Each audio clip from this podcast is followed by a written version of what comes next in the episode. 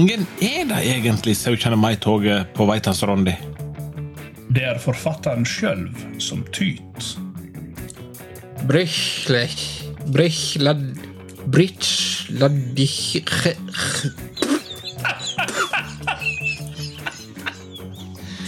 Og med den gode latterkula der, så ønsker vi velkommen til Karantenepils. I studio i dag har vi Torben Stedje og Øystein Blom, si hei. Hei! Og Magnar, si hallo. Hallo. Vær med og kos deg med oss.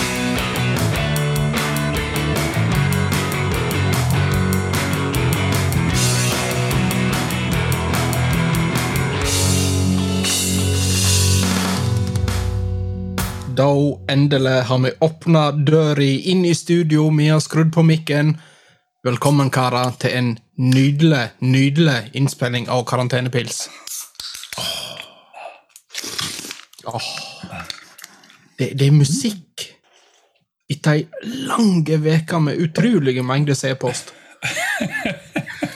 Men de har ikke vært så lange, da. Det, det, Nei, har, jeg vet det, det. liksom, det er liksom en dag i manko her. Ja, 17. mai, du tenker på, selvsagt. Men eh, nå har jeg jo eh, eh, for første gang erfart 17. mai med oppegående små unger, altså ikke et spedbarn som ligger i ei vogn. Og jeg Nei, tele teler, jeg 17. mai som en arbeidsdag. Ja. Ja, Det var hardt. Det bare vent til det blir litt større. Det, det blir ikke bedre. Nei, jeg veit det. Det blir bare verre herifra. Hvor mange is klarte du å trø i trynet på han? Han åt eh, Han eter jo ikke en hel isislenge, da, men han har spist to halve softis. Men det som imponerte meg mest, var at han greide å trykke i seg to pølser i brød på rad. Rett etter hverandre. Det er ganske imponerende med, når jeg tenker på hvor lange disse pølsene er, og, og hvor stor plass det egentlig tar i det vesle systemet til disse små ungene. Ja, og så er det nå da at ei pølse i brød Han greier jo knapt å holde det sjøl, for at det, det blir så stort.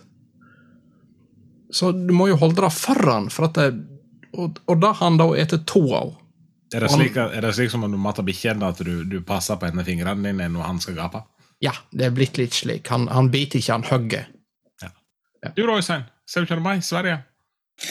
Ja, 17. mai i Sverige. I Sverige så er jo det bare en dag i kalenderen. Jeg eh, pynter jo huset, selvsagt. Jeg må jo markere meg. Jeg, eh, jeg har jo naboer som bare 'Å ja, just det!' Og, og, eh, og, og så er det jo litt artig. Jeg har jo balkongflagg som jeg henger opp på huset, og så har jeg noen sånne vanlige håndflagg som jeg stikker ned i den her kvadratmeteren med gress som jeg har i oppkjørselen. I tillegg så har jo jeg en bror som handla inn litt nips til meg for et par år siden, som jeg fortsatt hater. Det er blant annet et par bilflagg og så jeg henger på, henger på bilen. Jeg kjører rundt på 17. meg. Og jeg trefte jo en annen en da, med et sånt flagg. og var som det helsing til veien da, da når to stykker med flagg på bilen som møtes. og Jeg trodde jo ikke at det var så mye nordmenn nede i, i Skåne der. og kom over ei gruppe som heter 17. mai i Lund. og Lund det ligger jo mindre enn en mil borte fra der som jeg bor. og visste det seg da at da var det 150 stykker som hadde gått i tog. så sier velkommen nordmenn, Norgevenner og Norgeentusiaster. Så det er et ord i Sverige. Norgeentusiast. Men 150 stykker i 17. mai-tog i Sverige, det er jo faktisk et lengre tog enn de har på Veitastrand. Nå skal ikke det så forbanna mye til. Nei, så Det er jo litt kjekt, da. Men eh, det er klart at eh, vi, har jo, vi er jo vant til å feire 17. mai på den måten som vi feirer på. Og det er Det står seg litt eh, i, i internasjonal sammenheng. I Sverige så er det ikke så lenge siden nasjonaldagen ble en offentlig fridag. Sånn at den 17. mai det er noe alle veit hva er for noe, i hvert fall i Norge Ja. i, Dan unnskyld, i, i Sverige og Danmark. Hva gikk du i toget på Lillestrøm da, Magnar? Du, jeg eh, gjorde faktisk det. Jeg, jeg hadde jeg, Vi begynte å planlegge at jeg skulle gå i tog med jentungen i barnehagen. Men så tenkte vi at mm, bunadsko det er ganske langt. Nei, vi går bort til sentrum, og så ser vi når toget kommer der. Og når endelig barnehagen hennes kom, så smatt vi inn, og så gikk vi 70 meter. Ja, da var hun fornøyd. Så gikk vi ut av toget, og så gikk vi bort på skolen, og så sørga vi for at vi hadde bord til resten av uh, de uh, 2000 mennesker som fant ut de skulle være på den skolen, kom bort og skulle prøve å få en av de 200 sitteplassene. Så greit, da. Ja, det var egentlig veldig greit. Jeg tror jeg må lære opp eh, Torin til at eh, å gå i tog, det er, det er kjedelig, da. Min bedre halvdel eh, trakk jo kortet med at hun var klassekontakt, så hun måtte jo gå i toget. Så eh, ja. Nei, men eh, ja Vel blåst 17. mai, da. Ja. Skulle nesten hatt ei 17. mai-fløyte her. Ja. Ja. Jeg er veldig glad at vi ikke har ei 17. mai-fløyte her. For da måtte vi ha kommet til Lillestrøm og tatt henne ifra deg. Skal vi eh, kikke litt ned i ølbagen, karer? Hva har vi å by på i dag? Vi begynner ute i Nordsjøen, for det er så enkelt og greit. Det er voldsomt enkelt og greit. Jeg er jo kommet på jobb igjen det er nesten to uker før tiden. Vi, har jo vi sliter jo litt med bemanningen, og så er vi en ekstra syk, og da ble det så det ble. Så jeg er nettopp landa på jobb. Jeg er fortsatt i Bergen på lugaren min, og jeg eh, gikk rett ifra operativ posisjon og rett ned på lugaren for å samtale med dere. Så jeg var innom kjøleskapet bak kroken og fant meg en eh, noe så eksklusivt som en Santa Klefstaler, smaken av ekte juleøl. The taste of Christmas. Og det er som de alle, alle vet, at det er noen alkoholikk når blommen er på jobb. Så det er det jeg har i dag. Men det er i hvert fall bedre enn brus. Det er ja, marginalt bedre enn brus. Det er brus, sier Torben. Ja. Ja, det er brus. Magnar, hva har du på menyen? Du, jeg har uh, Such a Nice Monster. En eh, West Coast IPA fra Pomono Island. Og så eh, fortsetter vi jo denne her eh, merkelige drømmeverdenen jeg stuper ned i. Ja. Dragon Dance. Det er sånn eh, Skulle til å si suidale farger på dem, men det var ikke det mente. Psykadeliske. Ja. Eh, Imperial Milkshake IPA with guava. Jeg tipper at han ikke er god. Han holder 12 altså ni skal han. Ja, ja. Hvis det er seint nok på kvelden, så er han sikkert kjempegod. Det minner meg litt om den der som jeg eh, kjøpte bort i Litauen, den der milkshake-ipaen. Ja, jeg, jeg, jeg, jeg skal være helt ærlig og si at jeg, jeg så ikke at det sto milkshake IPA på når jeg kjøpte den. Jeg bare sa oh, kul boks. Uh, med guava. Ja, vi prøver. Nå ser jeg at den er melkeskitten. Altså, ja, ja, vi får prøve. Men hvem som har laga den? Ja, men melk, melk er bra for håret. Eh, Wonder Beyond Brewing. Norsk? Så det, ja, det blir spennende. Det var et UK Nei, det er UK, dette her. Ja. I Manchester. Du da, uh, Torb? Nei, jeg har jo uh, grunnmuren med egen ripe, den er jo alltid på plass. Men jeg har um, faktisk rota ned i kassen. Jeg har en trekasse stående ute i boden der jeg har sånn ymse øl i tilfelle krig.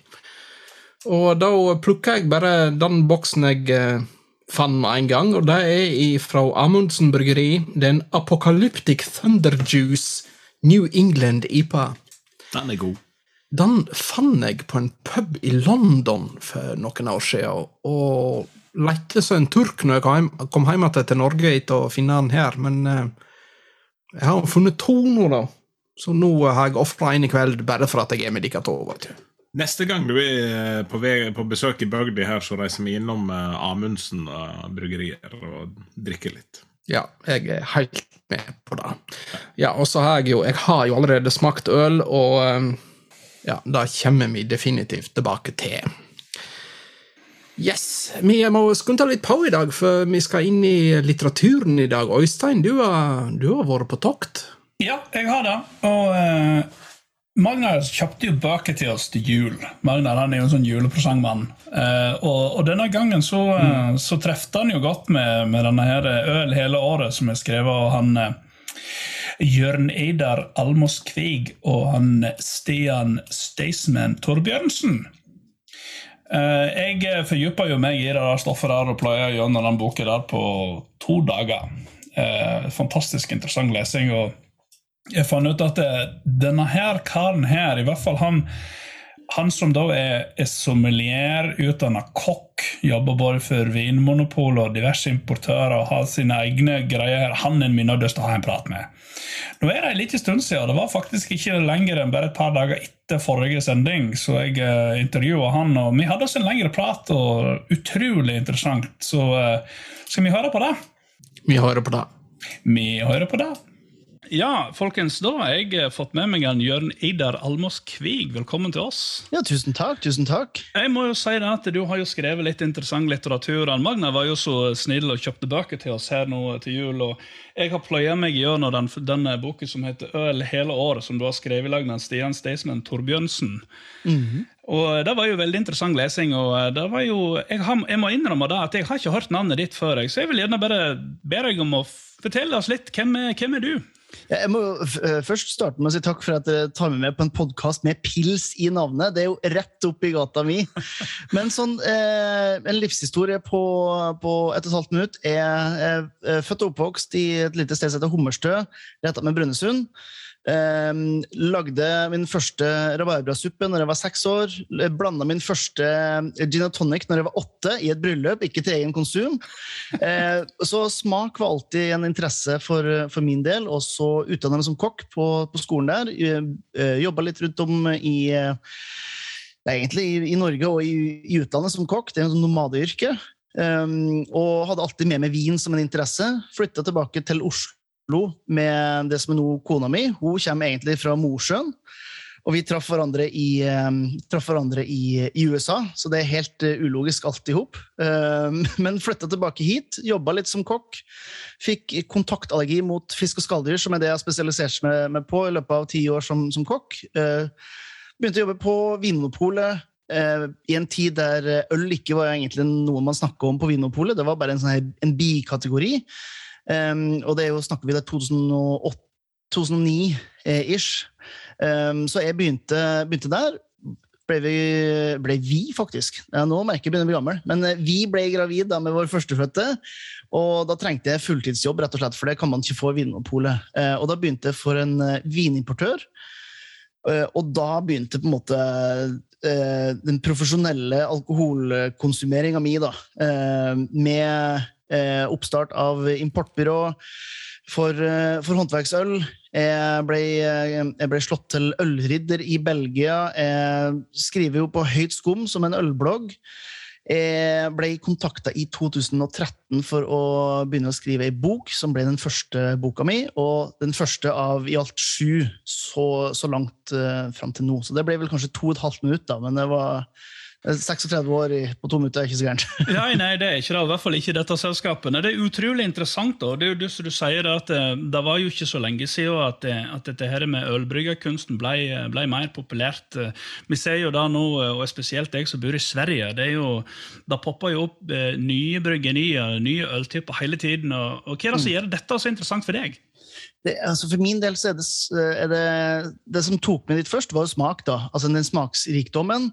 Eh, og så skal man ikke legge skjul på det faktumet at eh, jeg er jo utdannet innen vin eh, før øl, og det er litt snobbete innenfor vinverden. Eh, og jeg likte, jeg likte det faktumet at det fantes en kategori med drikke der folk var folk. Man ikke ble dømt om man likte det ene eller det andre. og Hvis du ikke visste sjargongen på en gevurstramin, ja, ja, ok, så var det greit. Eh, du, liksom, du, du var alltid velkommen og var inkludert. og det her var jo en det her er jo kanskje de beste årene av norsk håndverksøl, der absolutt alle hjalp alle. Det var, alle var kollegaer, og det var noe helt nytt for meg. Selv om man ikke jobba i samme firma, så var man likevel kollegaer, fordi at de store industribryggeriene tar så mye av markedet uansett at eh, man måtte, må jobbe sammen. Um, så det, det, det begynte med smak, og nå er det vel egentlig mer folkene og historien og den, eh, den gode følelsen som, er, som gjør at jeg fortsatt holder på med det her da, i altså, ti, ti pluss år siden jeg begynte med det på heltid. Eh, Ja, og det er jo litt interessant at du nevner det. altså Øl er jo litt mer for folket. Jeg har jo reist en del til Svalbard, og, og der husker jeg det var kvote på var kvote på øl og brennevin, men vin der kunne du få kjøpe så mye som du ville, for der var adelen som drakk. Mens, Ja. mens bu- busen drakk øl, og det måtte kontrolleres. Så, eh, Det, det begynner jo å bli litt mer stuereint med, med, med pilsen rundt omkring òg, ikke det? da? Jo, det, det gjør det absolutt, og, og det, det syns jeg er litt, sånn, litt flott. da. Det er det at eh, Hvis du har lyst til å være eh, og virkelig dykke ned i eh, si, nærmest molekylene innenfor gjærstamma, eh, så kan du gjøre det. Eller du kan bare være en fyr som syns, eller dame, eller hen, eller hva måtte være, som bare syns pils er veldig godt. Og av og til så har du lyst til å prøve noe annet, så du tar med det istedenfor en sekspakning med fryden din fatøl, så tar du med deg fem av de.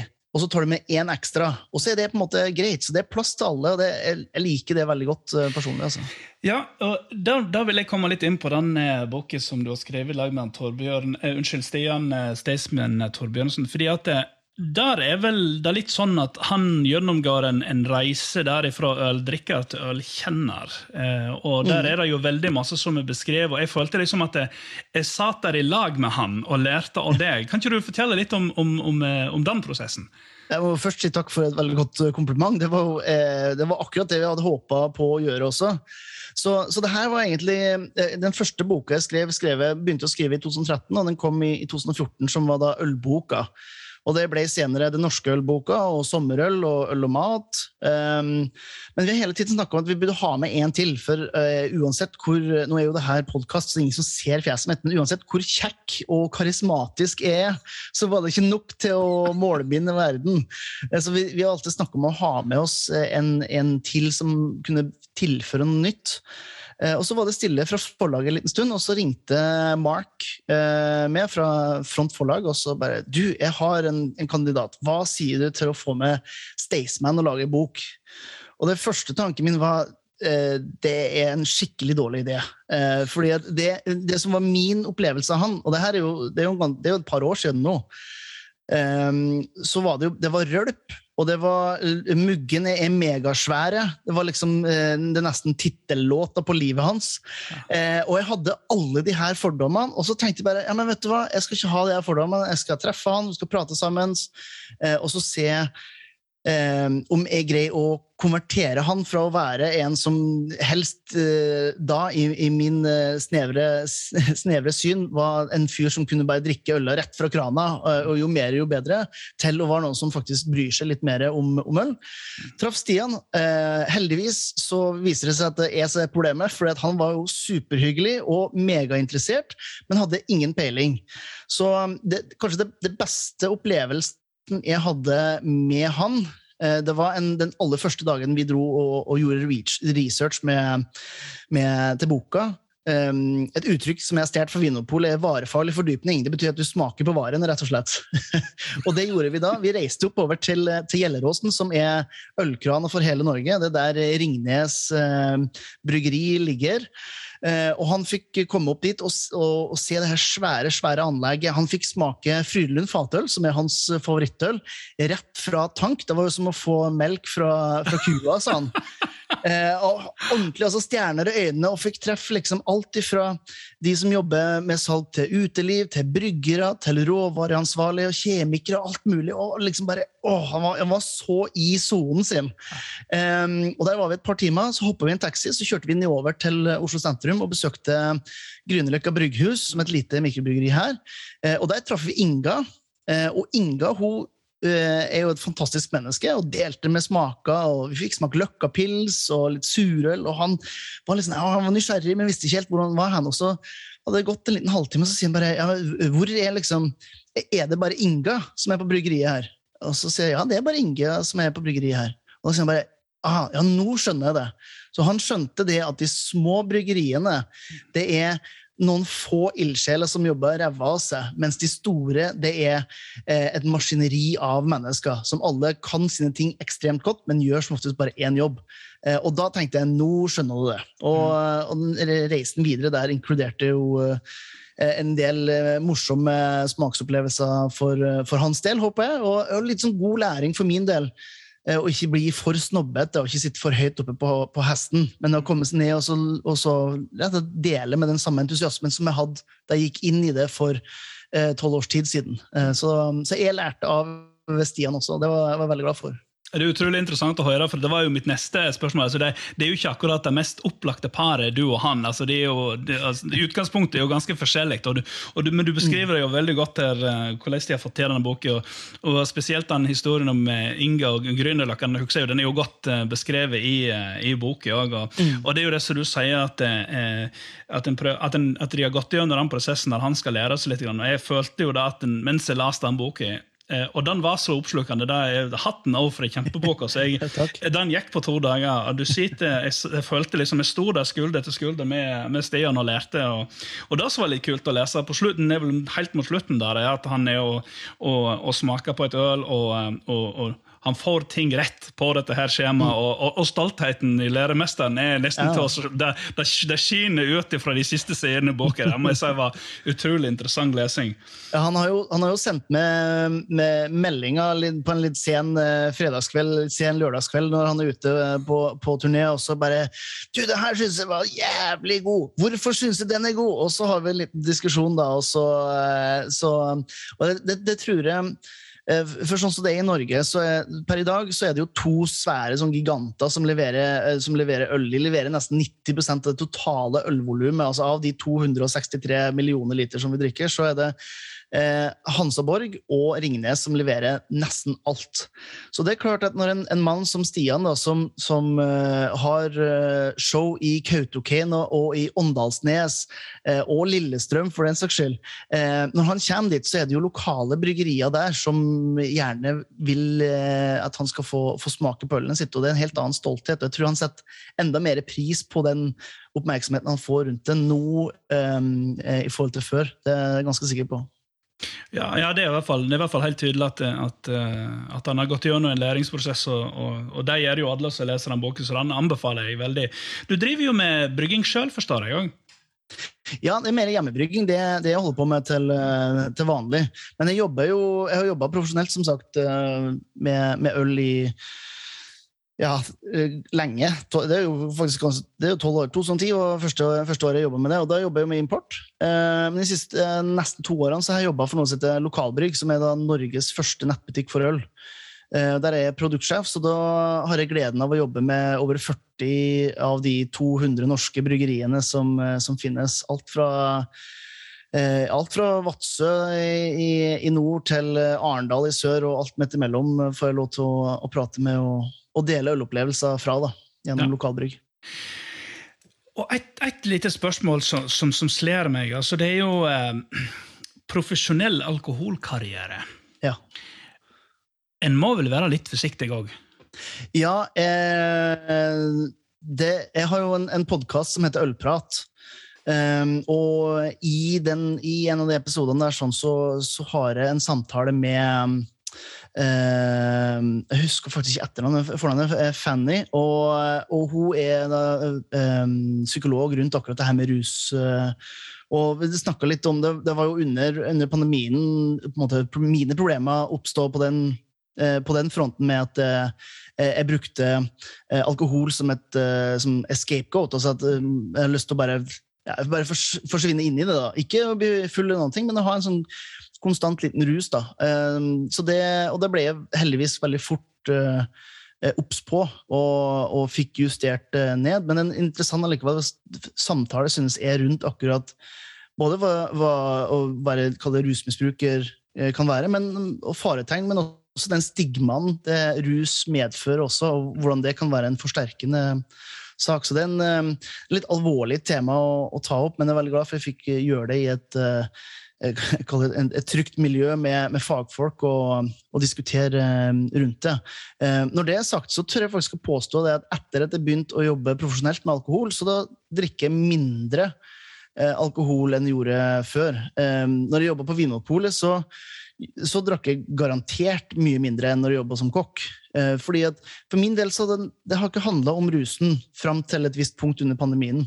Eh, Det hadde handla om smaksopplevelsene og, og hva det har gitt meg sånn eh, mentalt, ikke rusmessig.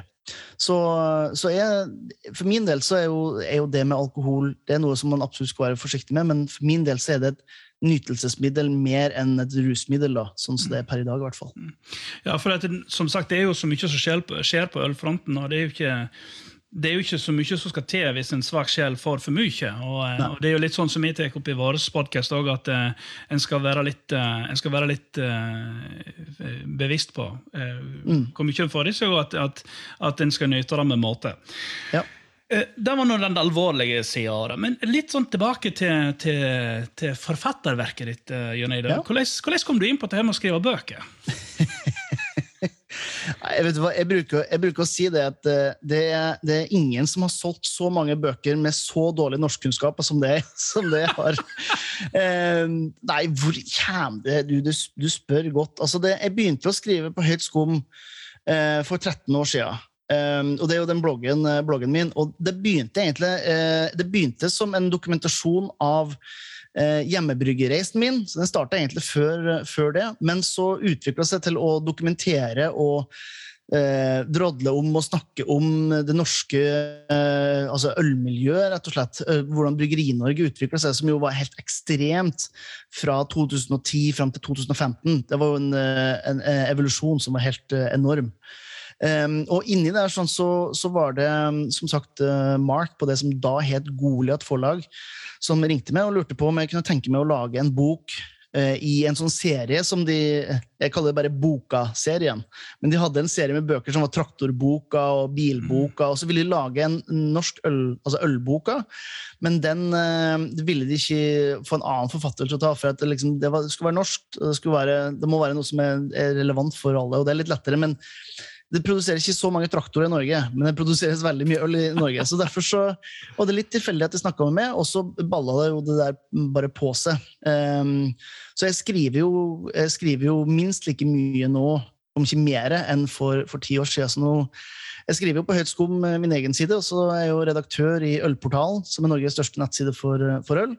Eh, og så skriver jeg også for eh, Vin og brennevin, som er et, eh, et av de eldste sånn, vinmagasinene i i Norge. Der eh, hvis vi holder det mellom oss to, og så, eh, ikke sier den andre, så prøver jo å overtelle øldrikkere, nei, unnskyld, vindrikkere på at det er noe fantastisk deilig som de kanskje går glipp av hvis de bare tenker vin og brennevin. Det er nemlig, nemlig øl, så prøver å, å, gjøre litt ting der også. Så, men, men, skriving for min del er det er, det er, enten så er det en dokumentering, altså å fortelle andre sin historie. Jeg syns det er fantastisk eh, spennende både å lære om og, og dele. Og så Den andre sida er også for min egen del å, å være kreativ med ord. Um, for det er ikke noen tvil om at hvert fall når man snakker om å, å beskrive øl, så kan det bli mye av det samme eh, igjen og igjen. Så for min del så er det å prøve å finne de nyansene i mitt språk som på best mulig måte kan dele en opplevelse, om det er en opplevelse av et øl, eller av et bryggeri, eller av et menneske, eller en hendelse. Så, så det er på en måte de to tingene som Det ene å vise fram en bransje som ikke får lov til å vise seg fram pga. norsk alkohollov, og, og, det andre er liksom for å prøve å, å være kreativ i min egen jobb. da. Helt fantastisk. Vet ikke, jeg synes Det er så interessant å sitte og høre på deg snakke med den entusiasmen du har for dette faget. Og da må jeg bare si til lytterne våre at eh, de, de, eh, de, bøkene dine de er vel verdt å lese. Du, du, brenner, jo for, du, ja, du brenner jo for dette. Det er jo ikke, det er jo ikke vanskelig å forstå. Eh, reklame for deg, eh, Ølprat, eh, podkast, og så har du eh, forskjellige nettsider. Ja, um altså Hvis de hører på det her, så hører de jo på podkast, og så liker de podkast. Og da er jo ikke noe tvil om at det er ølprat som, eh, som gjelder. Eh, hvis det skal gi en eh, ja, Det kommer faktisk en episode i morgen når vi tar opp det her, med en uh, italiensk ølgudfar, om det er lov å si, eh, Quasca, som, helt, som, kommer til å bli helt fantastisk når det er publisert. Eh, han, hvis du tror jeg har engasjement, så skal du bare vente og høre på han. Det er helt fyrverkeri. Men i hvert fall Ølprat heter podkasten. Finner den overalt der man finner podkaster. Og så er det jo Høyt skum, der jeg har, har, på en måte mine greier. Um, og så er det jo Ølportalen hvis man er interessert i ølnyheter. Kanskje for de litt mer spesielt interesserte, men mye interessant. Og så er det jo selvfølgelig hvis man ikke har lyst til å bare høre om øl, men smake på øl og, og drikke øl, så kan man sjekke ut lokalbrygg.no, der du får uh, litt over 200 forskjellige øl fra 41 norske bryggerier. Så, så det er en liten Takk for at jeg fikk lov til å plugge det. Tusen hjertelig takk, og fantastisk. Vi skal jo selvfølgelig legge alt dette her ut på vår eh, Facebook-side. Jørn Eider Almåskvik, tusen hjertelig takk for at du var med oss, og uh, lykke til med alt videre. Jeg skal følge med som en ivrig lytter og leser fra sidelinja. Ja, selv takk, Øystein. Takk for at du fikk være med. Takk. Ja, Zoologisk hage står for jinglene i dag, og vi har kommet til posten som heter Øltest. Og jeg har jo fått uh, et oppdrag fra deg, Magnar.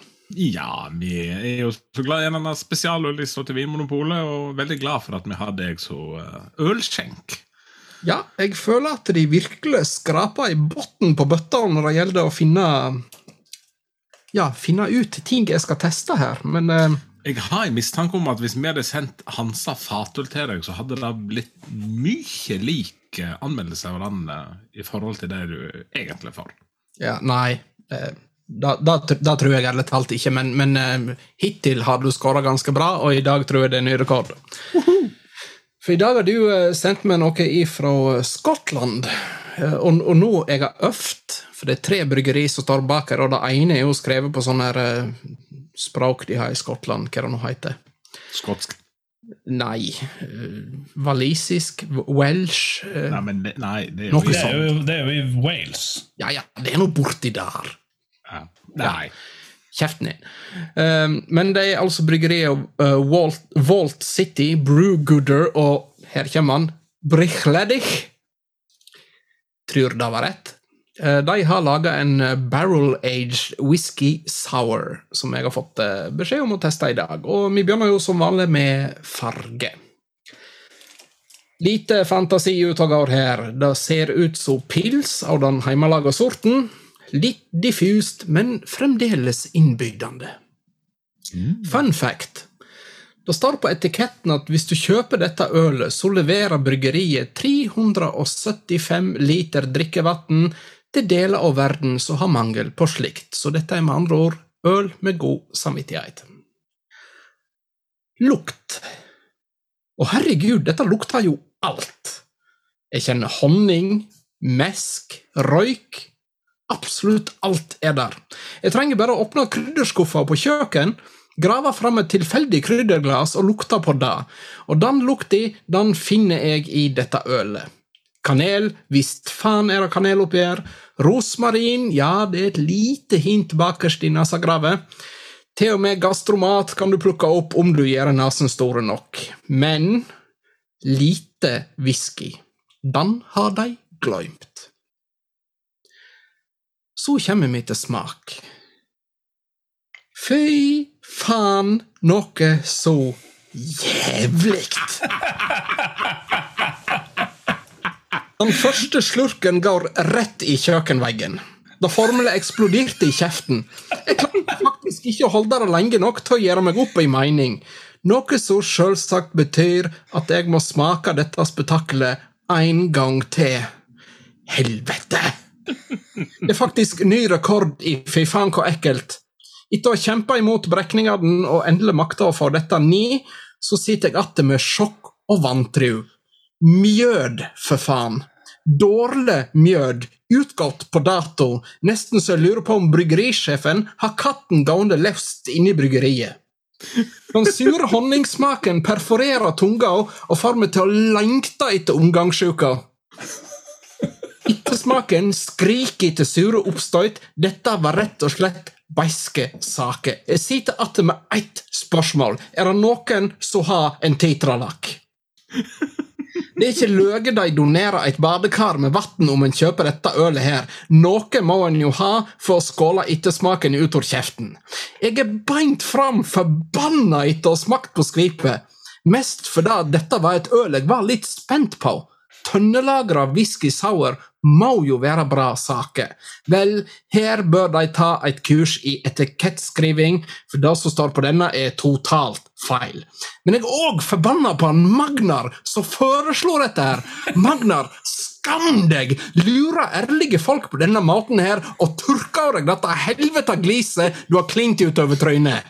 Dette ølet er det verste jeg noensinne har smakt, og jeg har smakt heimebrygget til han Øystein Blom. Og bare din! Og bare for å toppe kransekaka, så har makkverket en literpris på 450 kroner, og det er penger jeg aldri får igjen. Hadde jeg hatt bryggeren framfor meg, så hadde jeg spent han så hardt i boddel at han spontant hadde røyta av seg både skjegg og manbun, for det er garantert en slik person, med lumberjack-skjorte og hornbriller. Det er fristende å ta flyet over til Skottland, stappe iPaden hans opp i røven på han og drukne han i hans eget gjæringskar. Terningkast drept i affekt. Alltid at det er det gamle heimebrygget mitt jeg går ut. Det er greit. Det er voldsomt kjekt å høre at du har, du har en mal å gå etter. Denne gangen her så var heimebrygget ditt det hadde vært en befrielse. Men, men forteller du virkelig at det var null whiskysmak, og, og det var ikke sur eller noe? Det var bare helt jævlig? Tro meg, det var surt. Det var jævla surt. Ja, det, det var så surt at det, det var ikke godt på, så, på slurk nummer fire engang. Det var så surt at jeg tenkte at dette her hadde Mattilsynet aldri godkjent. Det er jo faktisk eh, min kollega som er felles bekjent av alle oss tre, som eh, Dette må Torben smake!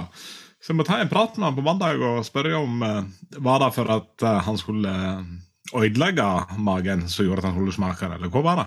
Jeg veit hvem han er, og jeg veit hvor han bor. Han er i Oslo på mandag. Jeg òg.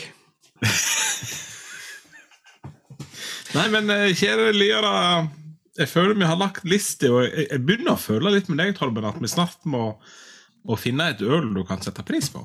Ja, det blir jo fullt i lovord etter dette her jeg har gått gjennom så langt. For da skal du ha, Magnar. Du, du finner virkelig uh, subbet på bunnen. Men nok om det. Det var dagens sølvtest. Jeg uh, takker for meg. Da har vi kommet til spalten Dette lurer jeg på. Og det er jo at Jeg spør Øystein og Magnar et spørsmål, og så må de svare etter beste evne. Og Øystein, er du vaken? Ja. Jeg vil at du skal velge én, to eller tre. Da kjører vi den gylne middelvegtormen. To. To. Mm -hmm. Greit. Eh, hvis du skulle være pornostjerne, hva hadde pornostjernenavnet ditt vært? Hmm. Øystein den grusomme. Å, er du en sånn en?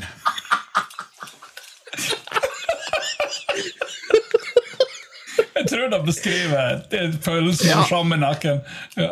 Jeg skulle til, til å si det utrolig beskrivende. Ja, meget, meget godt svart. Da, eh, Magdar, eh, går vi til deg. Eh, Du får nå velge mellom én og tre. Ja, ein. Én. Hvis du skulle være en drag queen, hva hadde navnet ditt vært? Magna den grusomme. Nei, nei. Maggie the Hairy. Maggie the Hairy. Hairy Mary.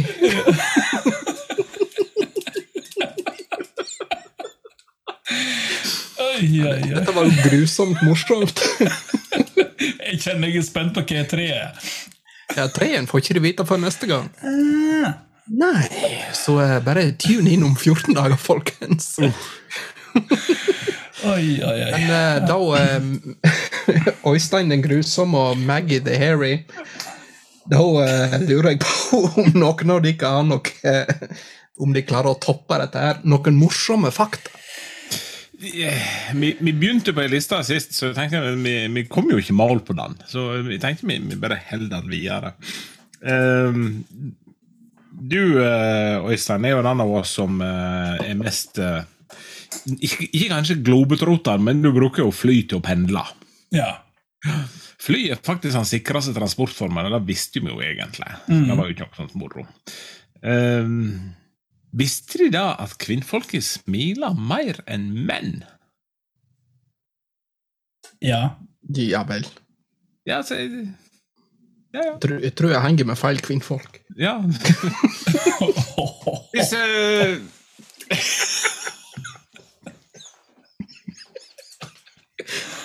Ja, nevnte jeg at dette skotske pisset drakk helt 10 eh,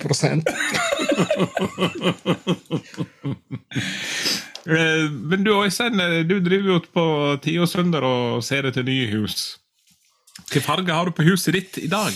Uh, vel, det er jo sånn eh, Det er jo flere farger på det. For det er jo denne her uh, oransjegule mursteinen i Sør-Sverige. Men det som jeg har treverk, det er sånn off-white, litt sånn grå-hvitt.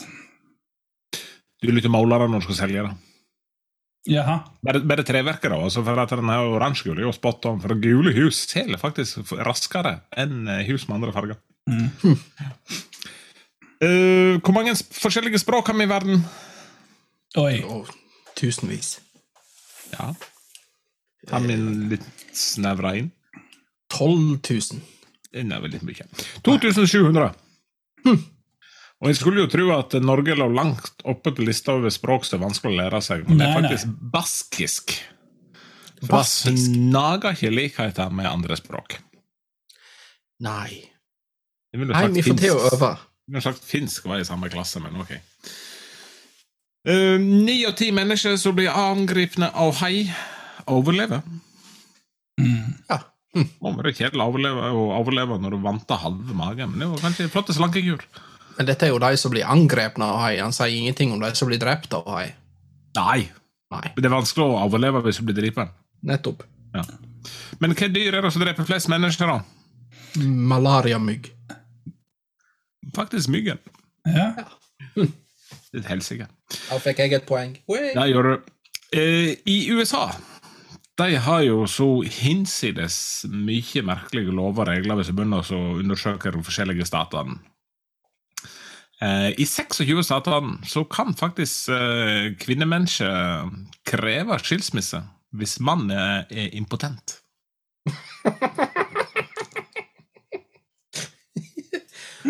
Ja, jeg klager på denne mannen, han virker ikke mer. Nei, virker ikke. Ja, jeg har en til deg her, her. han heter Øystein den grusomme. Ja. Han virker. Han virker. Og så må vi eh, sjekke om eh, Torben har lært noe av dette. her. da. Hva var det første produktet Sony lanserte? Bildekk. Bildekk. Husker du, Roysen? Du var sikkert hatt Ah, du sa det jo, gjorde ikke du det? da? Jo, jo det. Det var sånn et brødrister eller et eller annet sånt merkelig greie.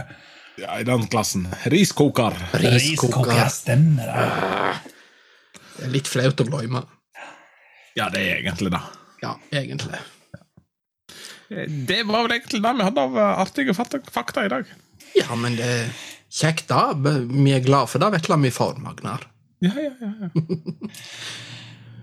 Og med det så er det vel egentlig bare å tømme glasset, og det er én ting vi har glemt å gjøre i hele dag. Skål. Skål, folkens! Skål For pokker. Ja, skål for pokker! Hei sann, hvor det går. Hei, skål. Hei, skål. Hei, skål. Og så har vi en e-post som vi aldri får e-post på.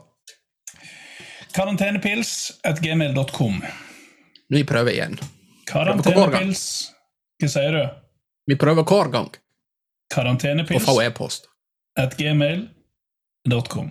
Er det irriterende når jeg avbryter hele tiden?